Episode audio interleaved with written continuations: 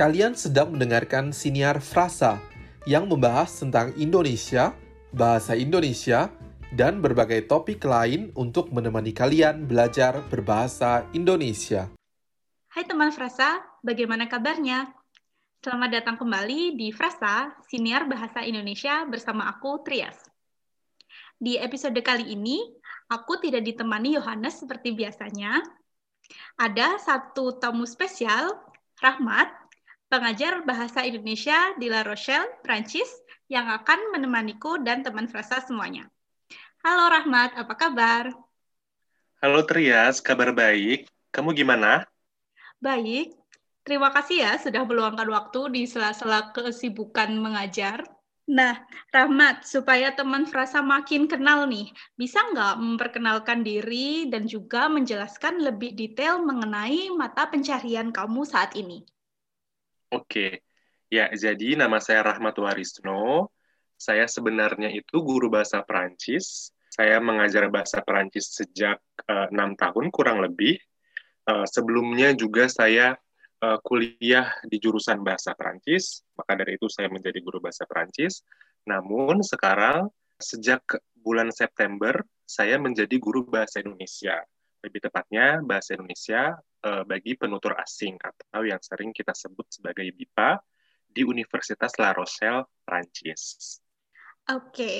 tadi uh, disebutkan mengajar bahasa Indonesia untuk penutur asing ya. Apa sih BIPA itu? Terus ya, mengapa uh, orang asing perlu belajar bahasa Indonesia? Oke. Okay. Jadi BIPA itu kependekan dari bahasa Indonesia bagi penutur asing. Sesuai dengan namanya, BIPA itu itu bidang pembelajaran atau pengajaran keterampilan berbahasa, baik berbicara, menulis, mendengar, dan menyimak dalam bahasa Indonesia untuk orang-orang yang bahasa ibunya itu bukan bahasa Indonesia. Nah, kalau tadi pertanyaannya, mengapa harus belajar bahasa Indonesia?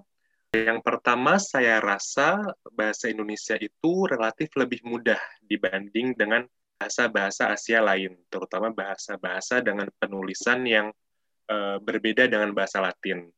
Jadi dengan begitu, saya pikir progres belajar bahasanya jadi lebih cepat.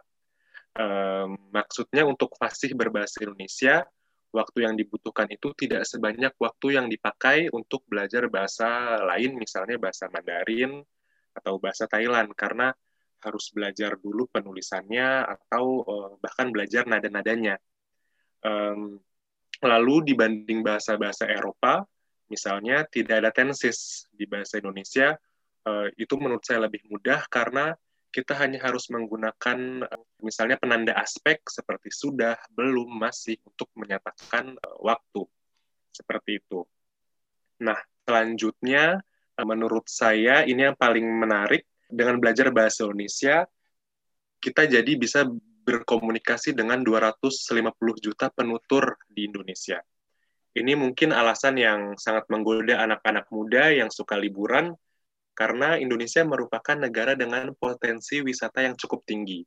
Dengan bisa berbahasa Indonesia, orang asing bisa menikmati keindahan Indonesia yang sangat beragam, dan mereka juga bisa memiliki pengalaman berinteraksi dengan orang Indonesia. Ditambah lagi, uh, orang Indonesia cukup senang dan ramah dengan orang asing.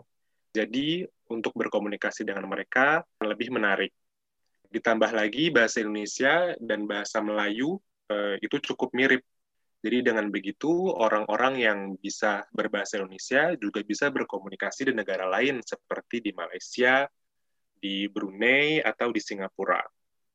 Nah, alasan terakhir dan menurut saya yang paling penting itu ya belajar budaya baru mungkin ini bukan alasan mengapa harus belajar bahasa Indonesia, tetapi alasan secara umum belajar bahasa asing. Jadi ketika belajar bahasa asing secara langsung atau tidak, kita belajar budaya baru karena keduanya itu menurut saya tidak bisa dipisahkan. Dan ini penting supaya kita menjadi seseorang yang lebih terbuka dan toleran dengan perbedaan-perbedaan budaya. Misalnya dulu sebelum saya belajar bahasa Perancis, saya punya pandangan kalau orang-orang yang minum alkohol itu bukan orang yang baik-baik karena mereka suka mabuk-mabukan. Tetapi setelah belajar bahasa Perancis, setelah mengerti budaya Perancis, saya jadinya uh, paham kalau uh, minum anggur misalnya Di Prancis itu bukan untuk mabuk-mabukan, tapi itu sudah menjadi budaya atau seni hidup di Prancis. Jadi pandangan yang dulunya negatif itu berubah menjadi positif.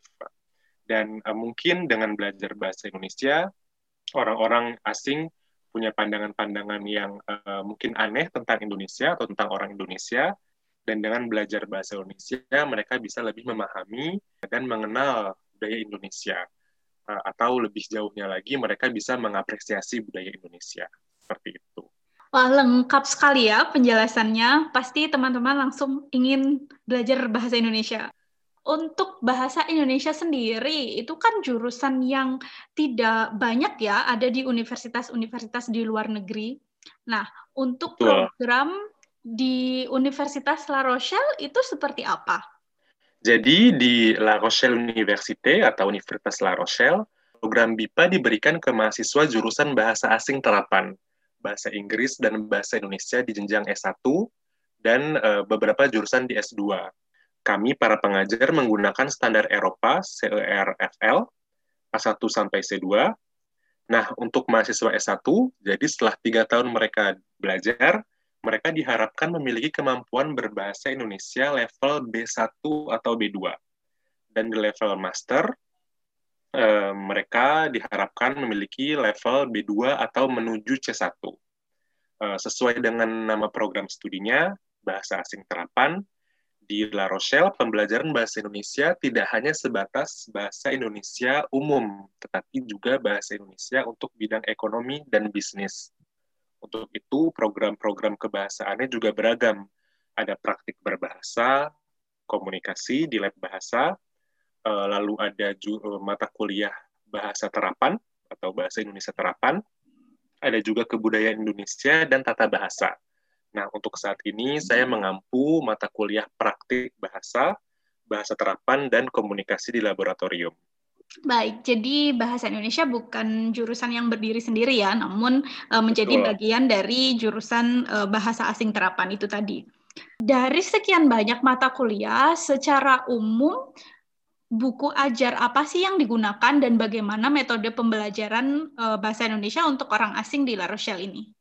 Oke, jadi untuk mata kuliah praktik berbahasa, kami menggunakan buku ajar yang namanya L'Indonésien au quotidien volume 1 uh, eh, atau volume 1 yang ditulis dalam bahasa Prancis dan bahasa Indonesia oleh Bapak Jerome Samuel dan Ibu Saraswati Wardani. Nah, untuk mata kuliah praktik dengan tuntutan yang diminta yaitu B1 atau B2, buku ini saya bisa bilang cukup mencapai tujuan tersebut. Meski di beberapa bagian uh, perlu dimodifikasi atau um, ada penyesuaian sesuai dengan tujuan pembelajarannya. Nah, di mata kuliah lain, para pengajar menyusun materinya sendiri terkait dengan metode pembelajaran di kelas praktik. Saya menerapkan metode komunikatif jadi setiap mereka belajar, selalu saya buat situasi berkomunikasi yang uh, seotentik mungkin, yang uh, bisa ditemukan di kehidupan sehari-hari, misalnya memperkenalkan keluarga, memberi saran, lalu melakukan wawancara, dan lain-lain. Nah, uh, jika situasinya memungkinkan, saya juga bisa menerapkan pendekatan yang lebih berbasis aksi, di mana mahasiswa belajar dengan membuat suatu proyek tertentu bersama uh, bersama-sama. Jadi pekerjaannya itu bergrup seperti itu. Wah, sepertinya menyenangkan sekali ya belajar bahasa Indonesia dengan Bapak Rahmat. Tentu. ya, manggilnya Bapak Rahmat, tahu Pak saja. Di kelas sering dipanggil Pak Rahmat atau Monsieur dalam bahasa Prancis. Baik, mungkin buku yang tadi disebutkan itu untuk pembelajar yang berbahasa Perancis ya. Ada iya, nggak ya, ada nggak mahasiswa yang bukan dari Perancis kemudian tidak berbicara bahasa Perancis juga tapi belajar bahasa Indonesia di Universitas La Rochelle? Nah, untuk di Universitas La Rochelle sendiri, semua pembelajarnya itu merupakan uh, penutur bahasa Perancis, walaupun tidak semuanya dari Perancis, tapi uh, mereka semua menggunakan bahasa Perancis. Jadi buku tersebut uh, saya rasa yang paling cocok untuk mereka karena di beberapa bagian ada penjelasan yang sangat detail, sangat terperinci, dan kadang-kadang bahasa Perancis digunakan karena tujuannya agar lebih bisa menjelaskan lebih lengkap seperti itu. Oke, mungkin untuk teman-teman frasa yang menggunakan bahasa lain selain bahasa Prancis juga bisa mencari buku yang dengan menggunakan bahasa yang teman-teman gunakan, jadi akan membantu untuk belajar bahasa Indonesia, gitu ya? Betul. Saya rasa di situs Kemendikbud juga ada buku-buku um, BIPA yang ditulis dalam berbagai bahasa, umumnya ditulis dalam bahasa Indonesia, tapi ada juga yang ditulis uh, dalam bahasa-bahasa tertentu dan itu bisa diunduh secara gratis. Baik, kemudian tadi kan Rama sempat menyebutkan bahwa uh, latar belakang pendidikan dan juga latar belakang profesionalnya adalah pengajar bahasa Perancis ya.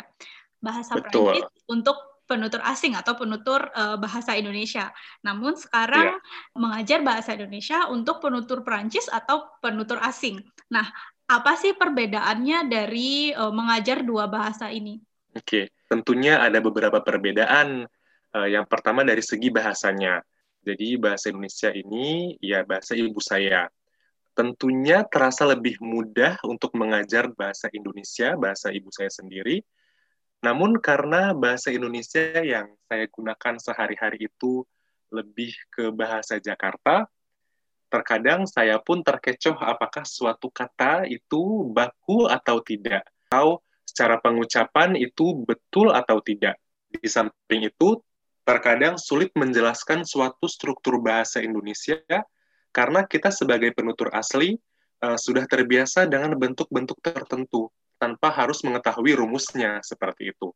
Walaupun dulu sebenarnya di sekolah diajarkan tapi uh, sudah banyak aturan-aturan yang orang Indonesia secara umum sudah tidak ingat. Jadi sebagai pengajar pastinya saya tentu harus uh, mau belajar lagi walaupun itu bahasa ibu saya. Selanjutnya dari segi budaya, tentunya saya lebih mengenal budaya Indonesia dibanding budaya Perancis. Dulu ketika saya masih guru bahasa Perancis, ketika murid bertanya kepada saya tentang budaya-budaya Perancis, mungkin ada banyak pertanyaan yang tidak terjawab atau tidak terjawab secara lengkap. Nah, sekarang dengan mengajarkan bahasa dan budaya saya sendiri, saya merasa lebih yakin, saya merasa lebih bisa menjelaskan budaya Indonesia seperti itu.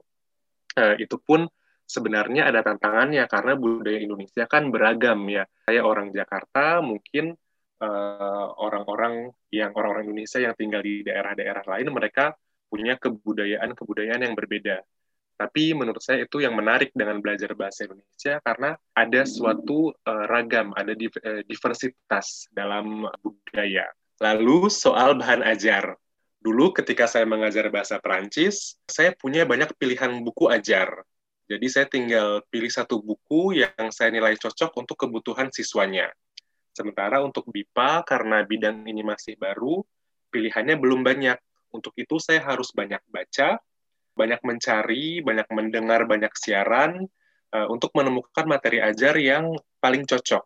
Untungnya di internet sudah lumayan banyak bahan yang bisa saya temukan. Ya, nah sekarang kan mengajar bahasa Indonesia untuk publik Perancis, di mana pasti juga akan menjelaskan materi selain menggunakan bahasa Indonesia juga menggunakan bahasa Perancis. Nah, tantangan atau kesulitan apa sih yang selama ini dihadapi sebagai pengajar BIPA untuk publik Prancis? Oke, tantangannya adalah menurut saya itu memberi kesenangan dalam belajar bahasa. Saya amati di Fakultas Bahasa di La Rochelle itu ada beberapa bahasa asing yang diajarkan seperti bahasa Mandarin, bahasa Korea, dan bahasa Portugis.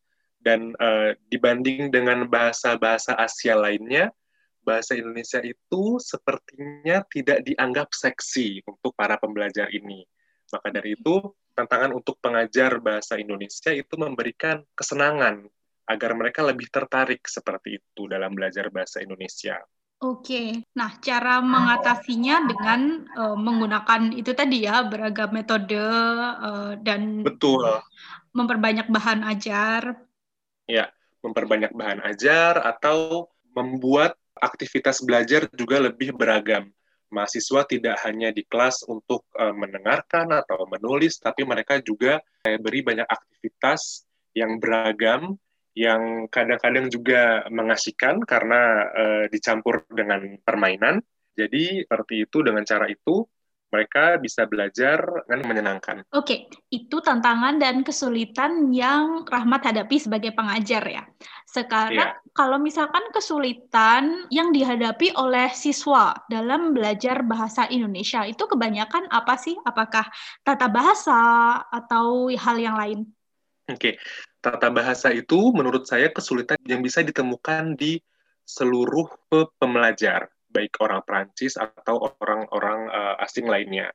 Nah, untuk orang Perancis, kesulitan utamanya itu menurut saya pengucapan.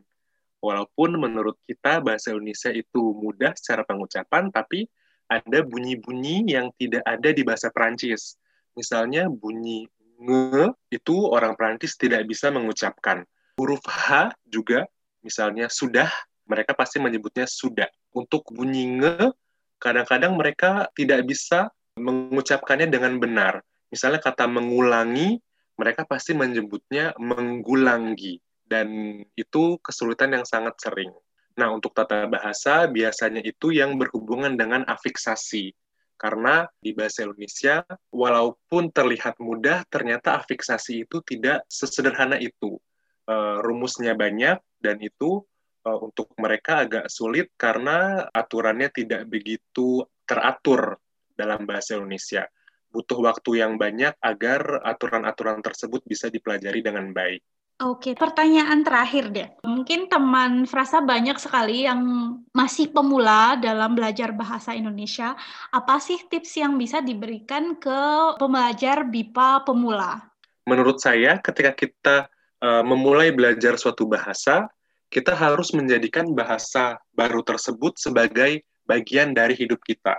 Jadi di keseharian misalnya kita bisa mendengar lagu-lagu berbahasa Indonesia, mulai menonton film-film uh, berbahasa Indonesia atau kalau kita menonton film bahasa as uh, bahasa yang bukan bahasa Indonesia, kita bisa menggunakan subtitle dalam bahasa Indonesia. Selain itu membaca juga penting, kita juga harus membaca dalam bahasa Indonesia baik artikel atau bahan-bahan lainnya. Untungnya sekarang karena sudah ada internet dan di internet kita bisa menemukan apa pun, jadi tidak ada alasan untuk tidak menggunakan bahasa Indonesia dalam keseharian, tidak hanya di kelas seperti itu. Oke, lengkap sekali ya tipsnya. Sekali lagi terima kasih Rahmat sudah meluangkan waktunya untuk kami di Senior Frasa episode kali ini. Untuk teman Frasa yang mungkin ingin bertanya kepada Rahmat, bisa langsung mengirimkan pesan di anchor kami atau melalui email di kontakfrasa at gmail.com.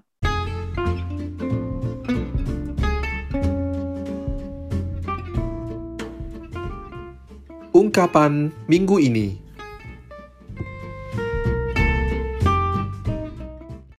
Ungkapan minggu ini adalah mata pencaharian. Mata pencaharian berarti pekerjaan atau profesi. Pencaharian berarti pekerjaan. Kata ini berasal dari kata dasar cahari atau cari.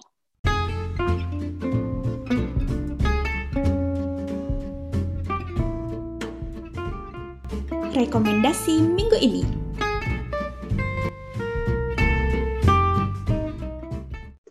Rekomendasi minggu ini adalah akun Instagram Tirto ID di akun tersebut kalian bisa menemukan infografis-infografis yang menarik bukan hanya untuk belajar bahasa Indonesia tetapi juga untuk mengenal budaya Indonesia dan apa yang terjadi di Indonesia. Terima kasih sudah mendengarkan Siniar Frasa. Sampai jumpa minggu depan. Ah.